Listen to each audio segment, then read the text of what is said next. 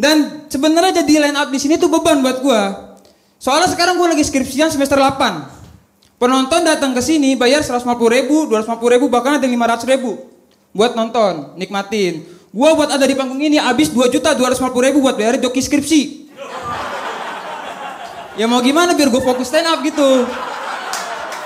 Lulus belakangan yang penting stand up udah. Udah amat.